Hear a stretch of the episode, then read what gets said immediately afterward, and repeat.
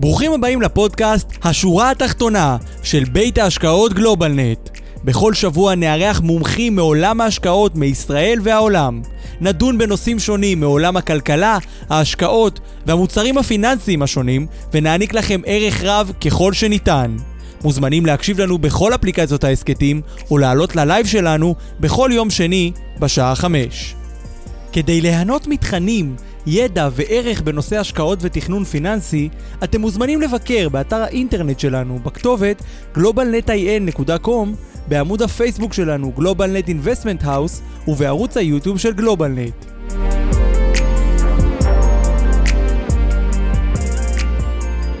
שלום לכולם וברוכים הבאים לשורה התחתונה וובינר ההשקעות של גלובלנט. כיף שאתם פה איתנו בפרק מספר 94, ויום אהבה שמח לכולם, ברוכים הבאים לפרק שלנו היום, והיום אנחנו נדבר על נושא, על שוק ההייטק, על שוק ההייטק, על מניות שוק ההייטק, ועל האם יש בועה בשוק ההייטק, אני מניח שאוהד אולי ידבר קצת על מה שקרה בפייסבוק לאחרונה, אולי גם נדבר, אנחנו תמיד אוהבים, אוהבים לדבר על מה שאקטואלי, אז אולי נדבר קצת גם על רוחות של מלחמה בין רוסיה לאוקראינה, אבל היום אנחנו נעשה סקירת שוק יחד עם אוהד וייגמן, שממש עכשיו נמצא בשוויץ בפגישות, אבל כמובן שבשביל השורה התחתונה הוא מפנה את הזמן ועולה אלינו מהמלון, אני חושב, או נשאל אותו בדיוק איפה הוא, כדי לתת לנו את ההרצאה היום, אז ברוכים הבאים, אני אורן דוברי ואתם בתוכנית השורה התחתונה מבית גלובלנט, פרק מספר 94, האם יש בועה בשוק ההייטק. אז רגע לפני שנתחיל, חשוב לנו להדגיש כי אין אה, לראות בוובינר, בפודקאסט הזה, תחליף לייעוץ או שיווק פנסיוני או שיווק השקעות המותאם לצרכי לצרכים שלכם, לצורכי הלקוח, או בכלל המלצה בנוגע לכדאיות השקעה במוצר פנסיוני, פיננסי כזה או אחר, או הצעה לביצוע פעולה כזו או אחרת. המידע המוצג בוובינרים שלנו הוא לידיעה בלבד ואינו מהווה תחליף לייעוץ המתחשב בנתונים ובצרכים של כל אדם ומשפחה. בשביל זה אנחנו מזמינים אתכם להגיע להיפגש עם איש מקצוע, מתכנן פיננסי, להתייעץ עם חברי משפחה או אנשי מקצוע, לבוא אלינו או לכל אה, איש מקצוע אחר, שייתן לכם את חוות דעתו בהתאם לנתונים הספציפיים הנכונים לכם. אז אנחנו אוהבים פה לדבר על השקעות. מי שלא מכיר, אנחנו בלייב, במתכונת וובינר, בכל יום שני בשעה שבע, בזום ובפייסבוק, אה, ואנחנו מזמינים אתכם לכתוב, לכתוב שאלות, להעיר הערות, יש למטה צ'אט, Q&A, אתם יכולים להרגיש חופשי לכתוב ולהעיר הערות, וכמובן לאחר מכן כל הוובינרים שלנו, כל ה-94 פרקים מוקלטים ועולים לעמוד הפייסבוק שלנו ולעמוד היוטיוב שלנו, וגם לאפליקציות ההסכתים.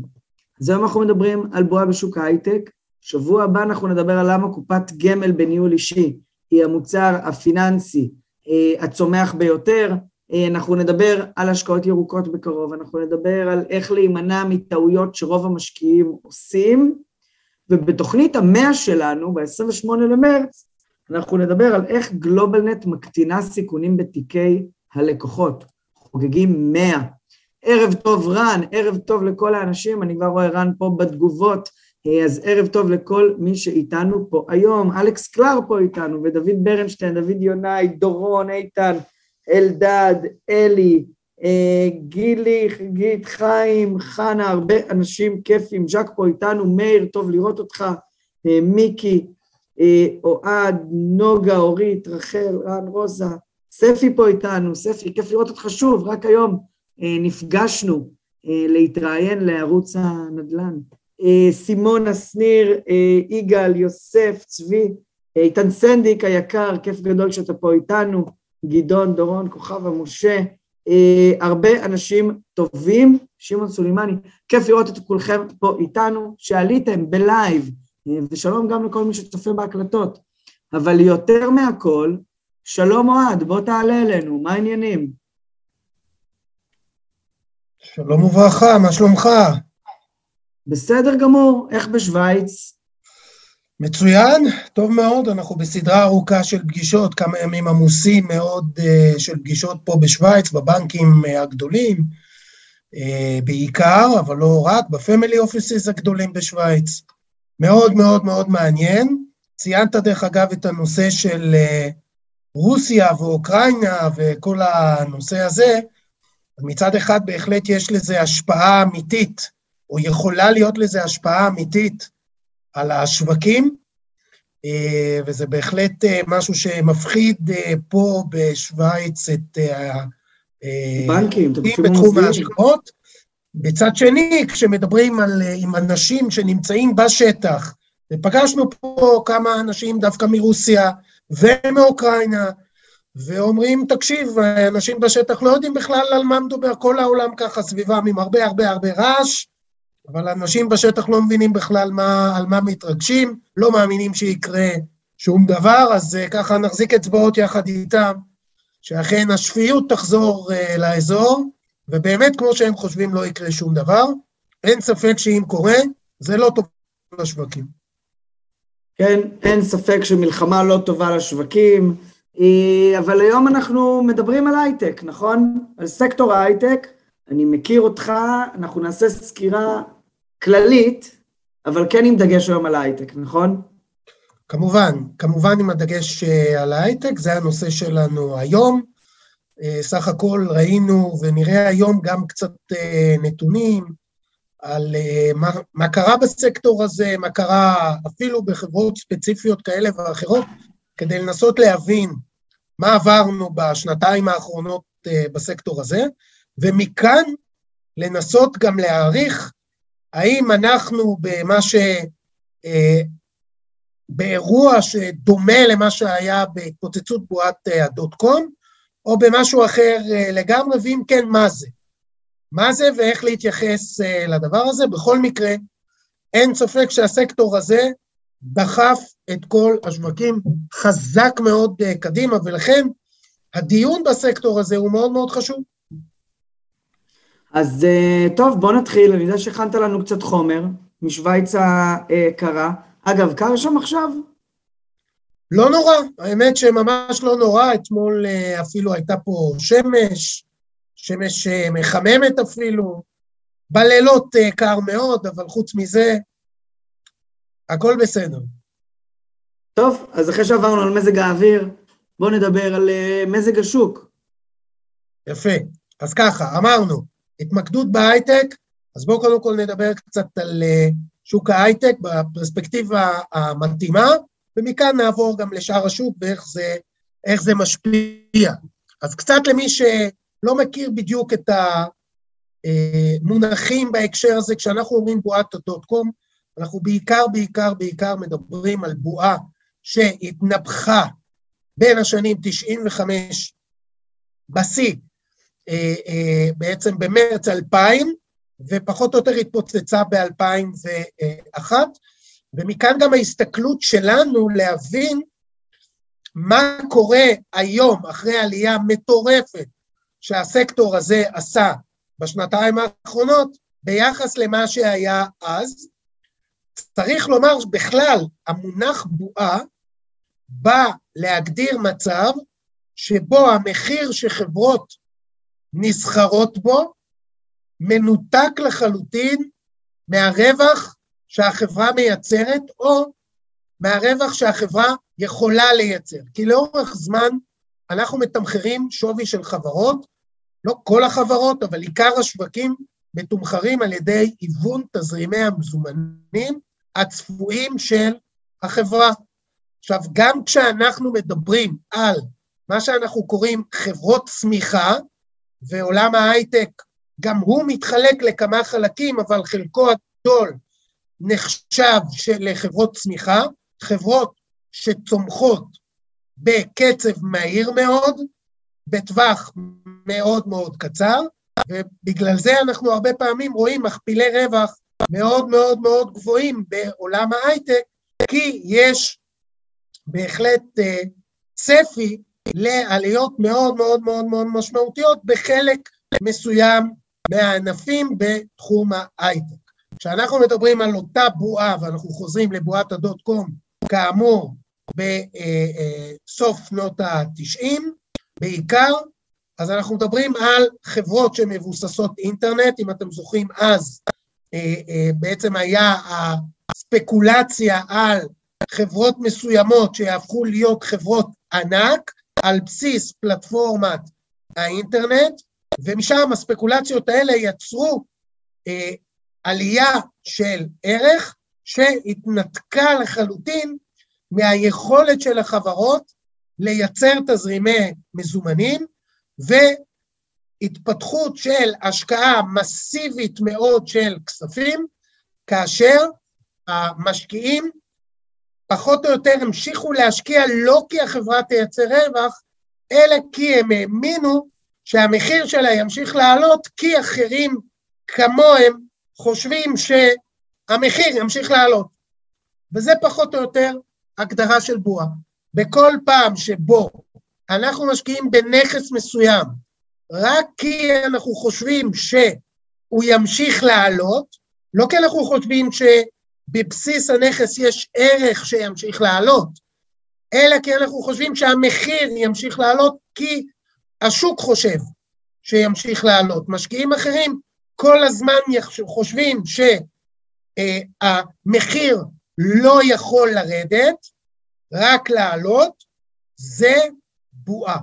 וזה בסוף מה שהיה בסוף שנות התשעים, וההתפוצצות של הבועה הזו ב-2001 יצרה גם משבר גדול, ואחריו גם היינו עדים למשבר אמיתי, כלומר לירידה בכל המדדים הכלכליים ולמיתון, למיתון, כלומר הרבה מאוד פעמים שוק ההון משפיע על השוק הריאלי, על הכלכלה, ופה באמת ראינו התפוצצות של בועה שיצרה מיתון, מיתון מאוד מאוד מאוד משמעותי. ולכן מפה, כל הזמן אנחנו עוקבים על, די, על נכסים שונים, מסוגים שונים, וכל הזמן אנחנו רוצים לראות את אותה אה, התפתחות של התנתקות מהערך הריאלי לערך הנקוב בשוק. וכל פעם עולה ספקולציה אחרת, לדוגמה, נושא של הביטקוין, בכלל עולם הבלוקצ'יין, האם באמת אנשים משקיעים בבלוקצ'יין? כי הם חושבים שיש ערך אמיתי שהתפתח משימוש במטבעות וירטואליים ומכלכלה שתתבסס על מטבעות וירטואליים, שזה הערך הריאלי שיכול להיווצר כתוצאה מהתפתחות של, או, או קבלה של תשלום מהסוג הזה על ידי המדינות השונות, אז זה סיפור אחד. באמת האם זה יקרה. והסיפור השני, עליית הערך, וירידת הערך, ועליית הערך, וירידת הערך, שאין לה שום קשר הרבה פעמים אה, לעובדה שהאם המדינות יאמצו או לא יאמצו מטבעות וירטואליים בכלל, לאו דווקא מטבע כזה או אחר, אלא בכלל את הקונספט הזה. ראינו מדינה אחת אה, שאימצה את זה בדרום אמריקה, ומרבית המדינות בכלל לא, בכלל בכלל לא שם. זה נתתי כדוגמה למה יכול להיות בדיעבד שהסתבר לנו כבועה.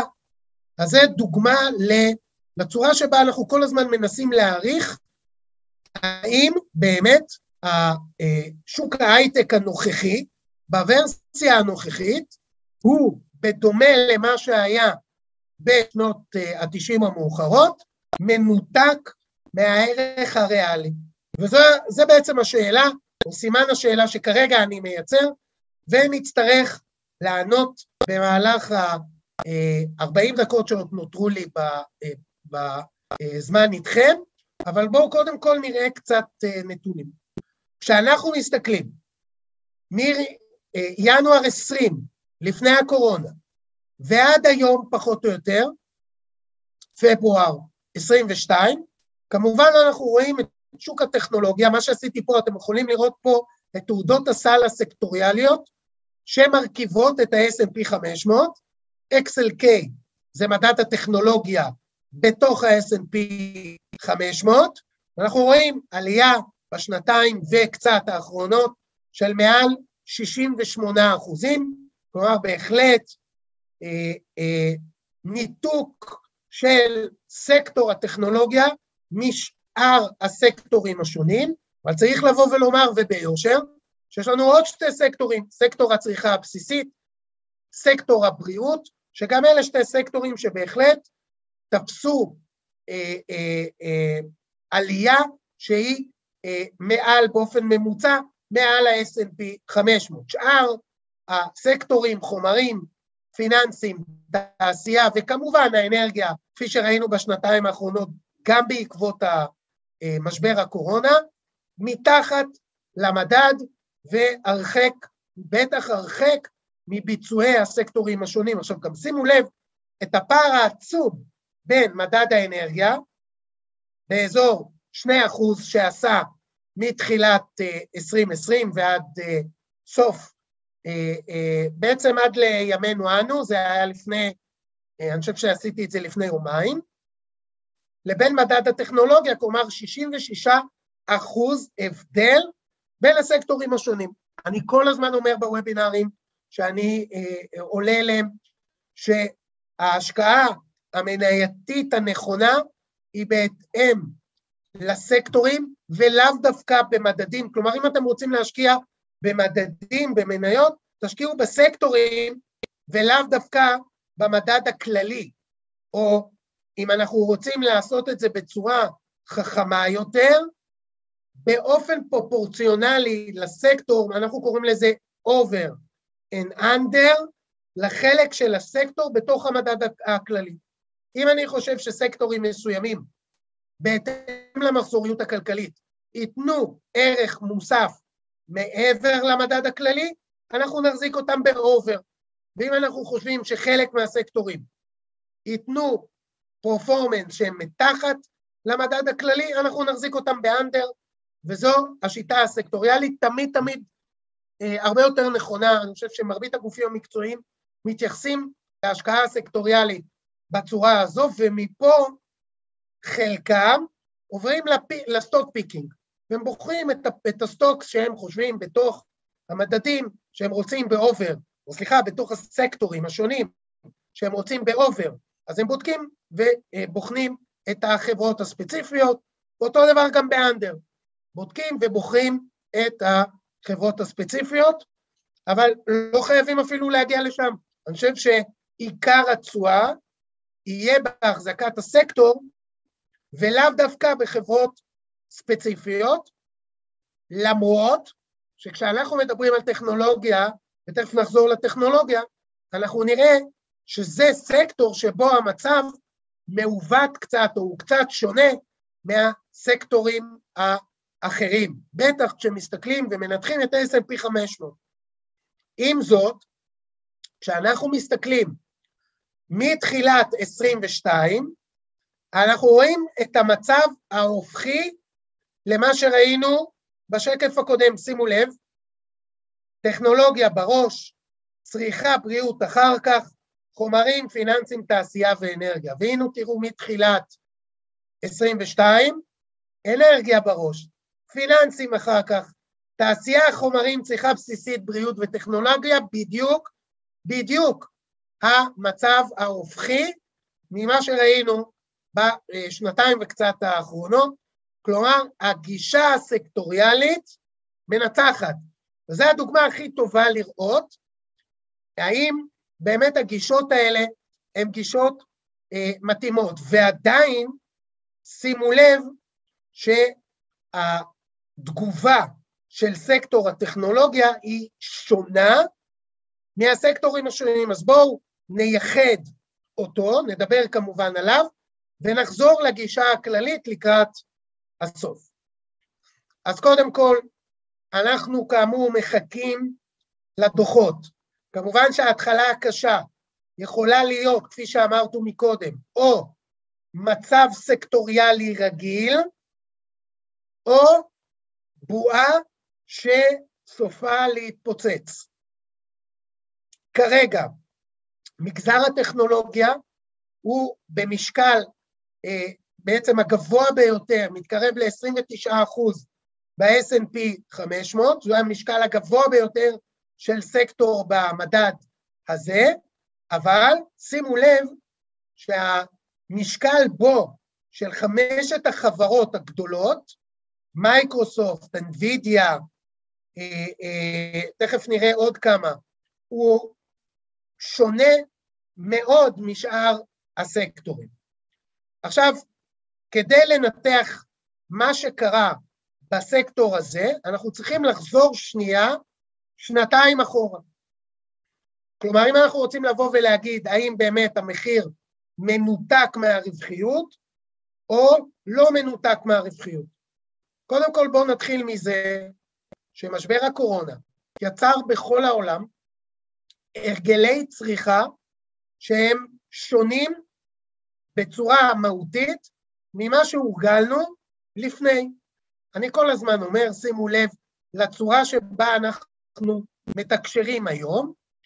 אנחנו לפני הקורונה, בפברואר 2020, עשינו כנס משקיעים גדול, הגיעו לשם בערך 45 אנשים, כל חודש עשינו כנס פיזי, משקיעים הגיעו, שמעו מה שיש לנו לומר על השווקים, קיבלו אה, אה, בעצם רעיונות להזדמנויות השקעה כאלה ואחרים, חומר למחשבה, הלכו הביתה, השקיעו כך ואחרת, וכך אנחנו התנהלנו, ולא רק אנחנו, אפשר לומר שכל בתי ההשקעות הגדולים התנהלו באותה צורה, בתקשורת אה, ממש ישירה, אה, פיזית אפילו אפשר לומר, בינינו לבין המשקיעים, והנה אנחנו פה, נפגשים 100 איש, אז פעם זה 100, פעם זה 200, ואנחנו מתקשרים, אני מעביר דעות, מחשבות, חומרים מקצועיים לציבור המשקיעים שמלווה אותנו לאורך השנים, אבל הנה אנחנו עושים את זה בצורה אחרת לחלוטין.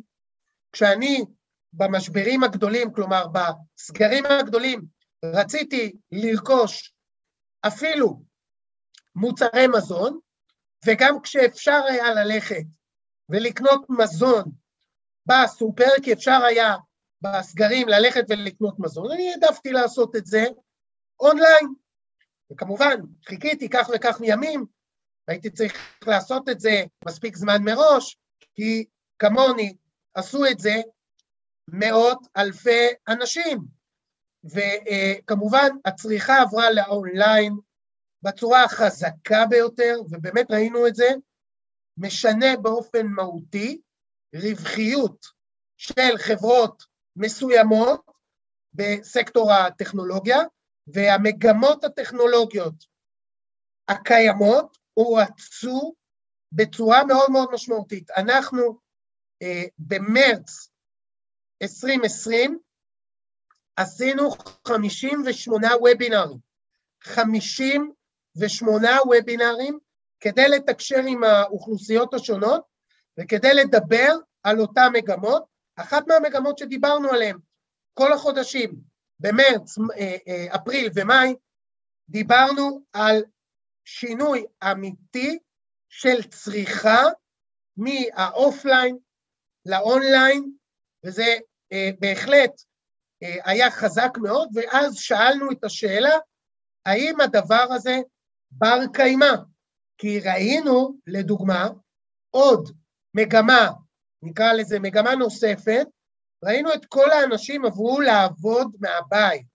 ואז נשאלה השאלה, האם במעבר הזה של כולנו לעבודה מהבית, האם הדבר הזה מייצר שינוי אמיתי בדפוסי העבודה לאורך שנים, מאז ועד היום. בישראל ראינו חזרה משמעותית לעבוד מהמשרדים, ברגע שזה התאפשר, כל הישראלים ברחו מהבית למשרדים. אפשר כמובן לדבר על מדוע הבריחה הזו הייתה, על הילדים, על המשפחות הצעירות, על הצורך לברוח החוצה, על הרצון של החברות לחזור לאיזשהו קומיוניטי של עבודות, אבל הישראלים חזרו בהמוניהם למשרדים, וגם ראינו עלייה מאוד מאוד מאוד משמעותית במחירי משרדים וחברות שעוסקות בתחום הזה בישראל. לעומת זאת, כשאני פה בשוויץ מדבר עם הבנקאים, עם הבנקים הגדולים, 50 אחוז מעובדי הבנקאות בשוויץ, UBP, אה, אה, UBS, ספרא בנק, כלומר, הבנקים בהחלט, קרדיט סוויס, הבנקים הגדולים בישראל, בשוויץ, 50 אחוז מהעובדים שלהם עדיין עובדים מהבית. כלומר, זה לא מגמה גלובלית, זו בהחלט מגמה ישראלית לחזור למשרדים, אבל בסקטור הגלובלי של המשרדים, אנחנו רואים התנהגות שונה לחלוטין בסקטור הזה. ולא כך בסקטור הטכנולוגיה. סקטור הטכנולוגיה, ההתנהגות הצרכנית בכל העולם הייתה דומה, ולכן אנחנו רואים באמת עלייה מאוד מאוד מאוד משמעותית ברווחיות שנוצרה על ידי שינוי המגמה האמיתי, או נקרא לזה האצה של אימוץ מוקדם של טכנולוגיות. אנחנו כל הזמן, כשאנחנו מדברים על עולם הטכנולוגיה, מחלקים את האימוץ של הטכנולוגיות למספר שלבים. יש לנו את המקדימים, מקדימי האימוץ, יש לנו את הציבור ויש לנו את המאחרים. כך פחות או יותר אנחנו מחלקים. אנחנו רואים שהשלבים הראשונים של האימוץ הם מאוד מאוד מאוד מאוד ארוכים, כך שהמתחדשים, קראנו להם תמיד, אלה שמאמצים את הטכנולוגיות מהר יותר משאר הציבור, אה, לוקח הרבה מאוד זמן עד שהם נכנסים וצורכים את הטכנולוגיה, ואז כשהציבור נכנס, פתאום אנחנו רואים עלייה מאוד מאוד מאוד משמעותית של האימוץ, וירידה מאוד משמעותית, כי אנחנו רואים את המאחרים מגיעים מאוד מאוד מאוד מאוד מאוחר, סוג של פעמון, תקראו לזה, פעמון גאוס כזה, אם אפשר היה לדמות אותו. פתאום הקורונה הגיעה, ואנחנו רואים קיצור של הפעמון, של כל ה... של כל, אם, אם תדמו פעמון גאוס כזה, שה, שהמרווח שלו הוא יחסית גבוה והזנבות שלו הם ארוכים, פתאום אנחנו רואים פעמונים לכל טכנולוגיה בנפרד כמובן, פעמונים קצרים מאוד, קצרים מאוד, עם זנבות קצרים מאוד, כלומר, אנחנו רואים התפתחו או אימוץ טכנולוגיה מאוד מאוד מאוד מהיר בכל העולם, וכל טכנולוגיה חדשה שנוצרת, אנחנו רואים את האימוץ שלה מאוד מאוד מאוד מהיר. ועכשיו נשאלת השאלה, האם באמת השלבים האלה או התהליך הזה של פעמון גאוס כזה מקוצר, איתנו להישאר לעד. היום לדוגמה, עשיתי פה אה, פגישה ממש לפני שעתיים עם אה, אחד ממבילי הבנקאות אה, בשוויץ, שמכר את הבנק שלו והיום מתמקד בפיתוח אה, אה, של אה, חברות סטארט-אפ עולם הסטארט-אפ אה, בשוויץ. התחום הטכנולוגי בשוויץ, בניגוד לישראל או ארצות הברית, אה, מדינות אחרות נוספות, בשוויץ הוא מאוד מאוד מאוד איטי. אז יש פה בהחלט התחלה של שוק סטארט-אפים חדש, ואנחנו רואים את ההתחלה של הדבר הזה פה, ומדברים איתנו פה הרבה מאוד על השקעה בסטארט-אפים השוויצריים, ויש פה קרנות VCs בשלבים שונים של החברות האלה, אנחנו רואים פה את השוק מתחיל לצמוח בקצב מאוד מאוד מאוד משמעותי, ורואים פה בהחלט משהו שקורה, כלומר כל העולם, לא רק ישראל כ- כמדינה שבהחלט הסטארט-אפ חזק מאוד, כל העולם במגמה אה, אה, קדימה מאוד מאוד אה, חזקה. כמובן שישראל היא מאוד מאוד שונה בהקשר הזה, כי ישראל מהווה חממה טכנולוגית ייחודית מעבר למה שקורה בכל העולם, שההתפתחות הטכנולוגית היא רבה, בישראל יש לנו חממות צבאיות או נקרא לזה ביטחוניות, לא רק צבאיות, זה לא רק בצה"ל 8200, מדברים הרבה על הטכנולוגיות הצבאיות או על היחידות הטכנולוגיות הצבאיות, אבל אפשר לומר גם יחידות השב"כ, יחידות המוסד, יחידות ביטחוניות בכלל, משרד ראש הממשלה בעוד יחידות כאלה ואחרות, דוחפות את הפתרונות הישראלים אה, בצורה הרבה הרבה יותר חזקה מכל מקום אחר בעולם, ולכן ישראל נראית אחרת ממה שאנחנו רואים במדינות האחרות בעולם. ובכל זאת, אנחנו חוזרים ומסתכלים על הרווחיות, אז הקורונה בהחלט העלתה את הרווחים בצורה חזקה. עכשיו נשאלת השאלה, האם תקופת הרווחים החזקה הזו יכולה להימשך גם כאשר אנחנו מדברים על עליות הריבית, וצריך לומר, עליית עלות המימון שצפויה לנו במהלך השנה הקרובה או השנים הקרובות, ובעיקר גם אם נראה שנה או שנתיים של עליות ריבית, מה צפוי אחר כך. זה ישפיע על מגזר הטכנולוגיה בצורה החזקה ביותר ביחס לסקטורים האחרונים, כי סקטור הטכנולוגיה הוא הסקטור הרגיש ביותר לירידת ריבית והעלאת ריבית. ופה אני חושב שהדבר החשוב ביותר, כלומר, אם אנחנו נראה את ההתנהגות של סקטור הטכנולוגיה בעליית ריבית, תכף נדבר על מה אנחנו צופים, בצורה שהיא צפויה ביחס למה שאנחנו צפויים לראות ותכף נדבר על זה, אז זה מרחיק אותנו ממה שאנחנו קוראים בועה. אבל אם אנחנו נראה את סקטור הטכנולוגיה מתנתק ממה שצפוי לו, או מה שהוא אמור להתנהג בו בעליית ריבית, אז בהחלט, בהחלט אפשר יהיה לחזור ולדבר על בועה. וזה בהחלט משהו שנמשיך לדבר גם במהלך הוובינר הזה, אבל זה מה שמרבית האנליסטים כרגע ממתינים לראות.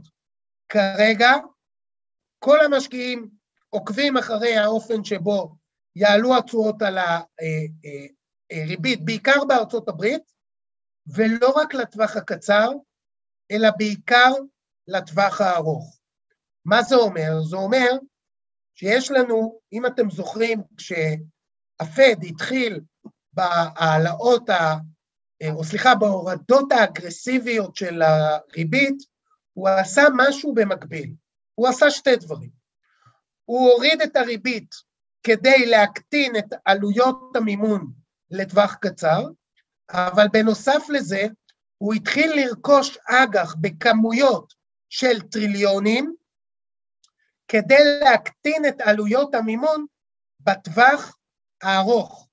ופה אנחנו נצטרך לראות את שתי הכלים האלה שבהם הוא השתמש, הפד, בצורה מאוד מאוד אגרסיבית, כלומר הוריד את הריבית לאפס והשקיע כמעט שבעה טריליון דולר ברכישה של אג"ח, כלומר הוריד באופן מלאכותי בצורה אגרסיבית וחזקה את עלות המימון ארוכת הטווח, עכשיו אנחנו נצטרך לעקוב לא רק בנושא של עליית ריבית, אלא גם כיצד הפד ימכור את אותם אג"חים ארוכי טווח. אם הוא יעלה את הריבית לטווח קצר, אבל לא ימכור, או ימכור בקצב מאוד מאוד מאוד איטי, את האג"חים לטווח ארוך, אנחנו נראה את מגזר הטכנולוגיה מגיב כפי שהוא אמור להגיב בצורה לא חיובית, אבל לא התפרקות טוטאלית, כלומר, אם נראה את מגזר הטכנולוגיה אה, אה, מגיב לטווח הקצר, אבל, כלומר, הוא יגיב בירידות כפי שראינו עד עכשיו, ויכול להיות שנמשיך לראות ירידות במגזר הטכנולוגיה אם הריבית תעלה, אה, תעלה בקצב איטי ואם בקצב יותר מהיר, נראה יותר ירידות במגזר הטכנולוגיה ממה שאנחנו רואים במגזרים אחרים, אבל שם המשחק יהיה במכירות של האג"ח ארוך הטווח. כי אם הפד ישתמש בשניהם, אז אפשר יהיה לבוא ולהגיד התפוצצות בועת ההייטק, פעם נוספת. ולכן אנחנו מסתכלים לא רק על הריבית, אלא גם על האג"ח. בואו נמשיך להסתכל מה אנחנו רואים פה. קודם כל, צריך לומר, כפי שגם אמרתי מקודם, בשונה ממה שראינו בבועת הדוט קום, היום אנחנו רואים גם בתחום ההייטק את הסקטור כהול ואת חמש, המניות הגדולות כקבוצה נפרדת, כי היא מניעה את השווקים בצורה אחרת לחלוטין ממה שב-2000 או בבועה הקודמת ראינו חברות uh, אחרות. ראינו אז uh, uh, תחום מבוזר יותר ממה שאנחנו רואים היום. אנחנו כמובן מדברים על מייקרוסופט, כמובן מדברים על אינווידיה, אפל, אלפאבית וטסיה, כלומר, אם נסתכל עליהם פה, שוב, טסלה, שוב, זה מתחילת 2020, כפי שראינו מקודם מתחילת 2020, תסתכלו את טסלה, תסתכלו על אינווידיה, תסתכלו על אפל, על גוגל ועל מייקרוסופט. אז אנחנו רואים את אפל, גוגל ומייקרוסופט בקבוצה אחת, גם. 100 אחוז, 80 אחוז, 60 אחוז, אנחנו גם רואים את אה, טסלה ואינווידיה במקום אחר לגמרי, 460, 250, כלומר, קבוצה שנתח השוק שלה הוא עצום, אה, חובה להיות שהן מטורפות, והם אלה שהזיזו את כל הסקטור, כפי שראינו מקודם, ב-70 אחוז. אם אנחנו מסתכלים מתחילת שנה, אנחנו רואים את, תכף נדבר על פייסבוק אה, בנפרד, אנחנו רואים את כל הקבוצה הזו במינוס, בין מינוס שלוש למינוס חמש עשרה, כלומר, אנחנו רואים אותם כמו שוק, או כמו סקטור הטכנולוגיה, לא רואים פה משהו שהוא שונה מהעלייה. וכפי שאמרתי גם מקודם, בעצם שוק הטכנולוגיה ממתין לראות לא רק על עליית הריבית קצרת הטווח, שתכף אני אדבר על זה יותר, אלא בעיקר מה יקרה בריבית ארוכת הטווח. אז תכף אני אדבר על זה, כשנגיע לעקומים נדבר על זה. אבל בואו נסתכל שנייה על התנודתיות. בעצם יש לנו תנודתיות בחודשים האחרונים שלא הייתה לעולם.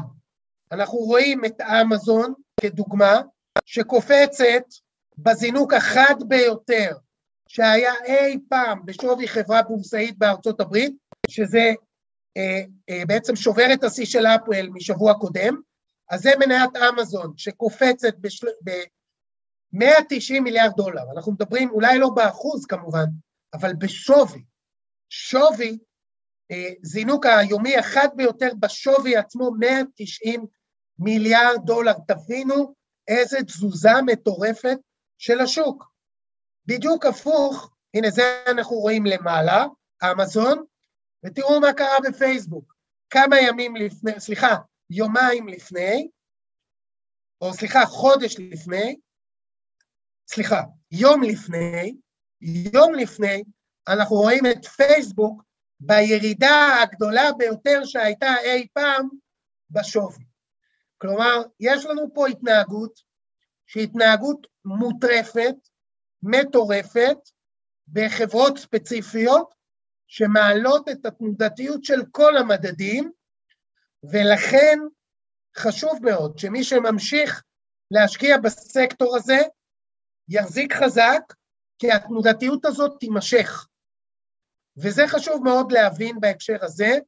אני חושב, אני חושב שאני מרצה לפחות פעם בחודש בוובינרים שלנו, ולפחות פעם בחודש אני אומר, חברים, תחזיקו חזק, זה הולך להיות הרבה יותר תנודתי ממה שהיה אי פעם. והנה אנחנו רואים את זה. בחודש הזה אנחנו רואים שזה היה תנודתי יותר ממה שהיה אי פעם. והנה אני אומר לכם שוב, זה ימשיך וביתר שאת, ולכן תחזיקו חזק, כי אנחנו צפויים לראות עוד ועוד ועוד דוגמאות מהסוג הזה. עכשיו, למה אני מציין את זה? חלק מהמשקיעים, בעיקר המשקיעים המקצועיים, אלה שיש להם יותר כסף, הם מודעים למצב הזה, מודעים לסיכון הזה, מודעים לה, להתנהגות של שוק ההון, והם בהחלט מסוגלים, כנראה חלק מכם, אולי אפילו רובכם, עונה לקטגוריה הזו, כי הנה אתם עולים לפה. למה אתם עולים לפה? כי אתם משקיעים מקצועיים, אתם באים לומדים, אתם באים להשכיל, אתם באים להקשיב, זה חשוב לכם. בעוד שהציבור ככללותו הוא לא כזה. הציבור ככללותו אין לו באמת יכולת לשאת תנודתיות כזו לאורך זמן. שימו לב, הזינוק החד ביותר שהיה מרץ 2020, הביא איתו אה, יציאה בישראל של 70 מיליארד ש"ח מקרנות נאמנות. אז נכון, הציבור כבר מספיק בוגר כדי לא לצאת מקופות הגמל, כדי לא לצאת מקרנות הפנסיה, ובעיקר לא לצאת מקרנות ההשתלמות, וזה לא מובן מאליו, כי חלק עיקרי מקרנות ההשתלמות הוא נזיל, ולמרות זאת, בניגוד לקרנות הנאמנות הנזילות, הקרנות ההשתלמות לא נפדו בקצב שנפדו קרנות ההשתלמות. אבל כשאני אומר תנודתיות, שימו לב שהדבר הזה משפיע מאוד, כי ככל שהתנודתיות עולה, תסלחו לי כשאני אגיד, הכסף הטיפש יוצא. הציבור הכללי, ולא כי הוא טיפש בכללותו, אלא זה לא האנשים טיפשים, אלא העדר.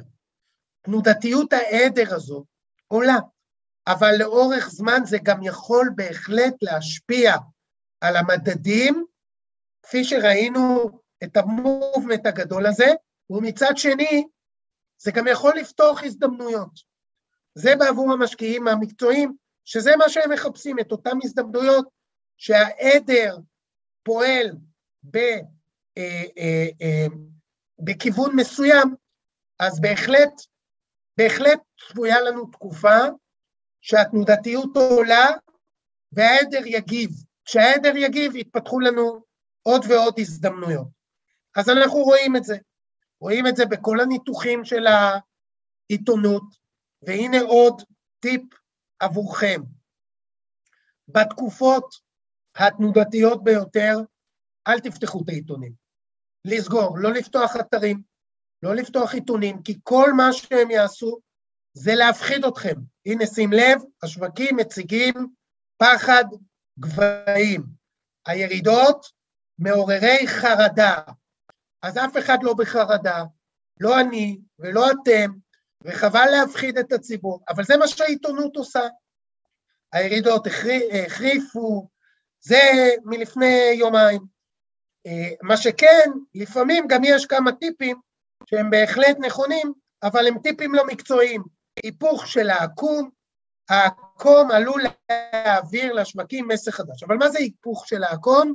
זה בעצם מקום הריביות, עקום האג"ח, המקום החשוב ביותר שאנחנו אה, אה, אה, עוקבים אחריו, זה לא מניות, זה עקום האג"ח, ותכף תראו למה.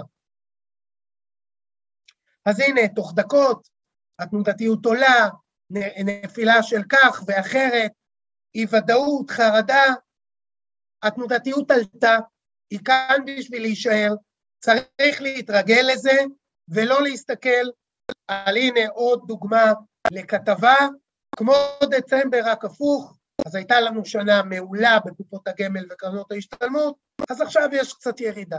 לא קרה שום דבר, לא כזה אה, שינוי מגמה עדיין, אבל בהחלט, בהחלט, בהחלט היה תיקון.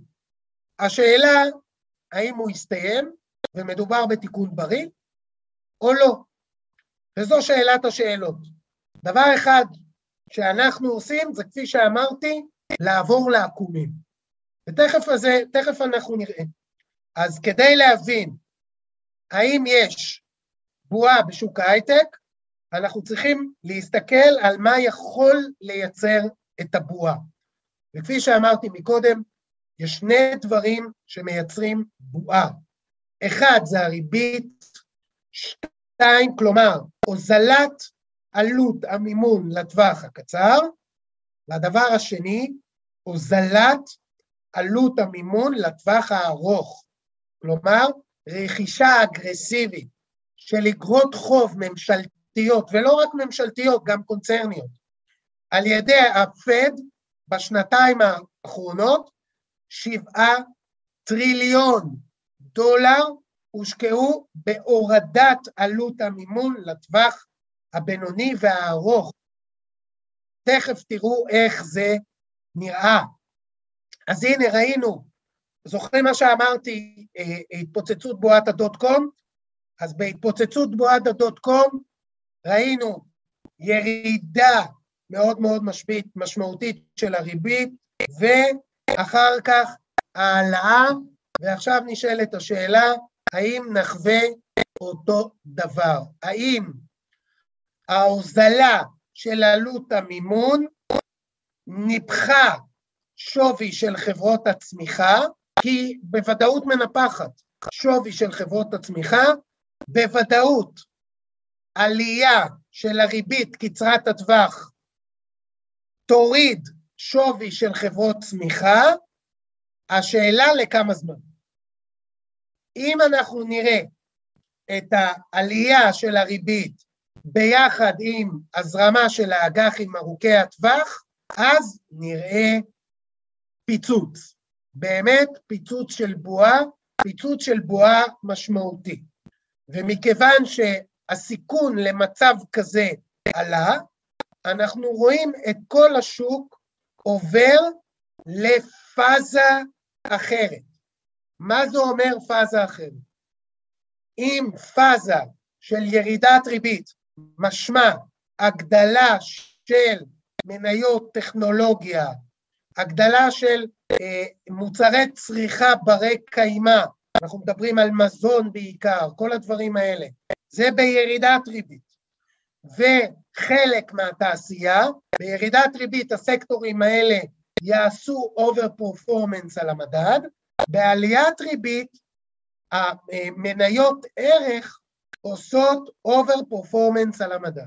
עכשיו אם תשימו לב טוב טוב מה קורה בשווקים בשבועות האחרונים, אנחנו רואים את הגופים המוסדיים מוכרים מניות צמיחה ועוברים למניות ערך. מניות ערך זה אנרגיה, מניות ערך זה פיננסים, בנקים ואחרים, חברות ביטוח. חברות ביטוח זה חיה שונה, נעזוב את זה בצד. אבל בנקים, בהחלט בנקים וחברות פיננסיות שונות, זה מניות ערך. כלומר, בתוואי של עליית ריבית, מניות ערך הופך להיות יותר אטרקטיבי ממניות צמיחה. השאלה באיזה קצב נראה את עליית הריבית. כרגע ראינו עליית ריבית באנגליה פעמיים, פעם אחרונה בשלישי בפברואר, הבנק המרכזי העלה ב-25 basis point, כלומר 0.25 אחוז, כרגע הריבית באנגליה חצי אחוז, אה, מדובר באחד מהבנקים המרכזיים הראשונים שהעלו, כמובן שגם ה pound אה, עלה קצת.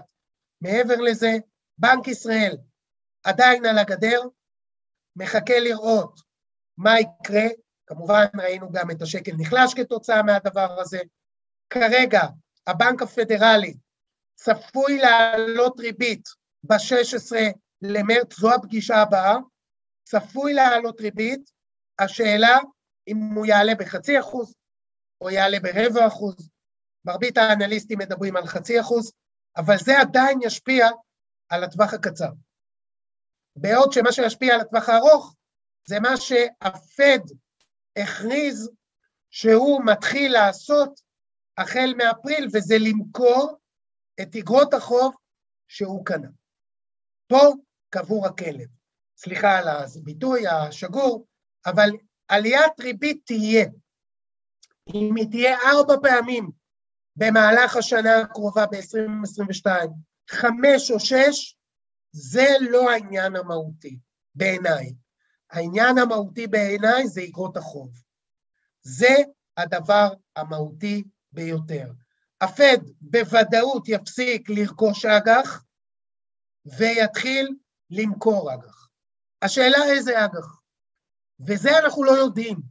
אנחנו לא יודעים איזה אג"ח הוא ימכור, האם הוא ימכור את האג"ח בטווח הבינוני, האם הוא ימכור את האג"ח בטווח הארוך, זה ישפיע באופן מהותי על עקום הריביות.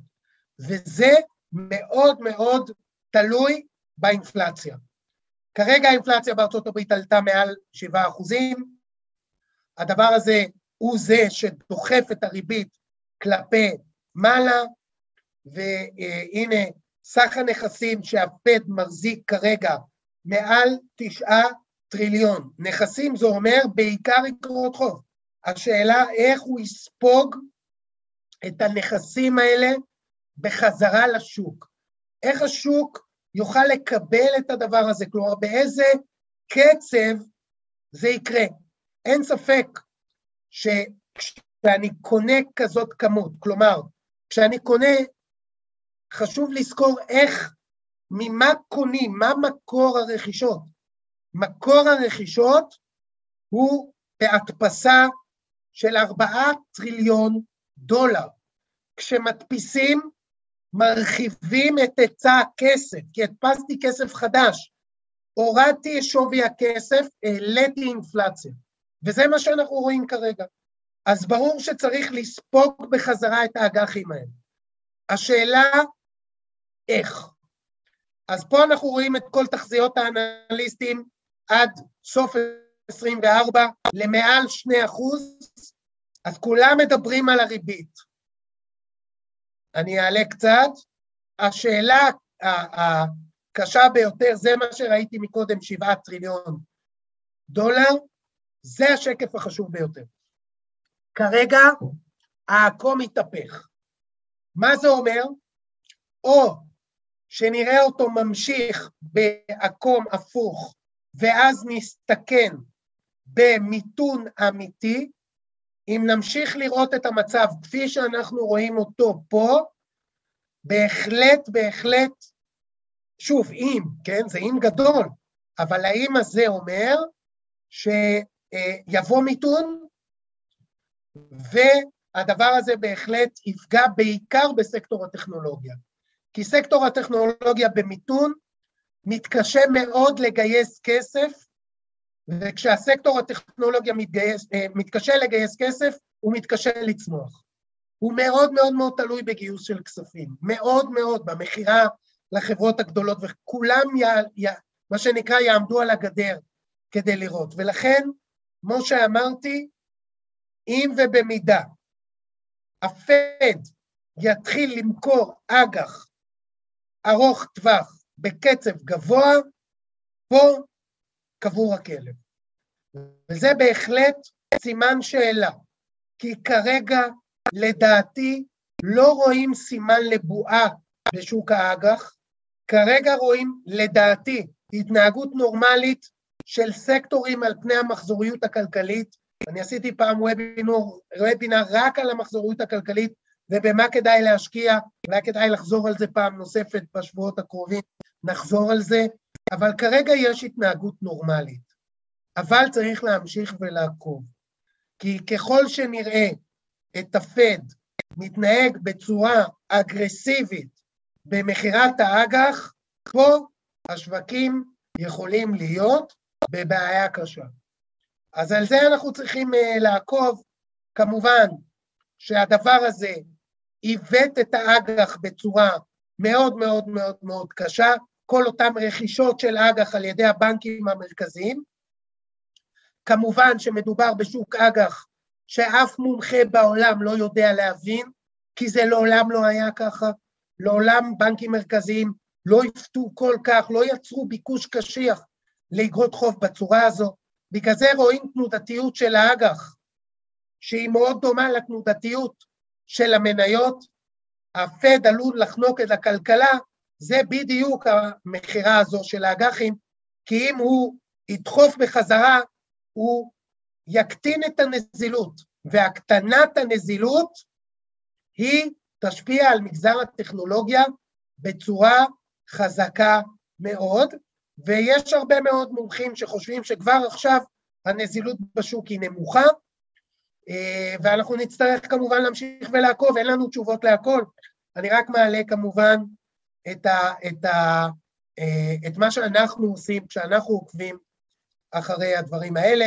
כמובן האינפלציה היא לא רק בארצות הברית, אלא בכל העולם מאוד מאוד מאוד מאוד מאוד גבוהה.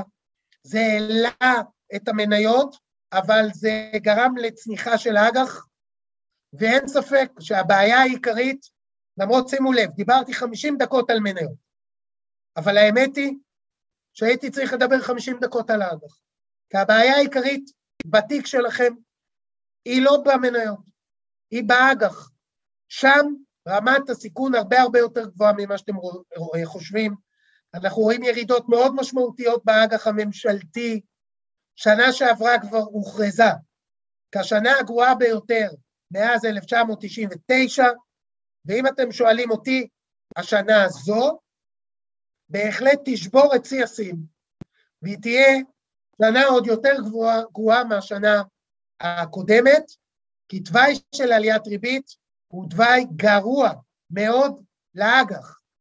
וכמו שאמרתי, הקורלציה בין המניות לאג"ח היא מאוד מאוד גבוהה, אבל היכולת שלכם, שלנו, של כל המשקיעים, להרוויח היום בהחזקה של אגרות חוב היא אפס. היכולת להפסיד היא מאה אחוז. אז uh, הוובינר הזה מוקלט, תוכלו כמובן לחזור אליו כל הזמן ולבדוק אותי. לבדוק האם בסוף השנה הזו אפשר היה להרוויח מאג"ח. בוובינרים, אנחנו כבר בוובינרים, אה, אה, אוטוטו וובינר 100. אז אה, בכל הוובינרים האחרונים, בכל ה-96 וובינרים האחרונים, אמרתי, שימו לב, אתם הולכים להפסיד הרבה מאוד באג"ח. שנה שעברה זה קרה, השנה זה יקרה פעם נוספת. ולכן אמרתי למכור את האג"ח, אבל אמרתי את זה לא היום, אמרתי את זה כל השנה האחרונה, כל השנה וחצי האחרונות, ואני עכשיו אומר את זה ביתר שאת, וזה מאוד מאוד חשוב, כי חלק עיקרי ממה שאתם מחזיקים זה אג"ח.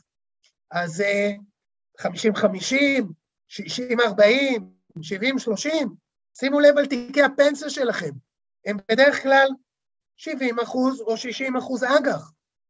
אז שימו לב מה שקורה שם, זה יותר חשוב ממניות, למרות שהפעם דיברנו על מניות, טכנולוגיה. אז אם יש שאלות, יש לי כמה דקות אחרונות, מה אני מדבר על מכפילי הרווח הגבוהים, בעיקר בהייטק? אמ, זה תלוי במה.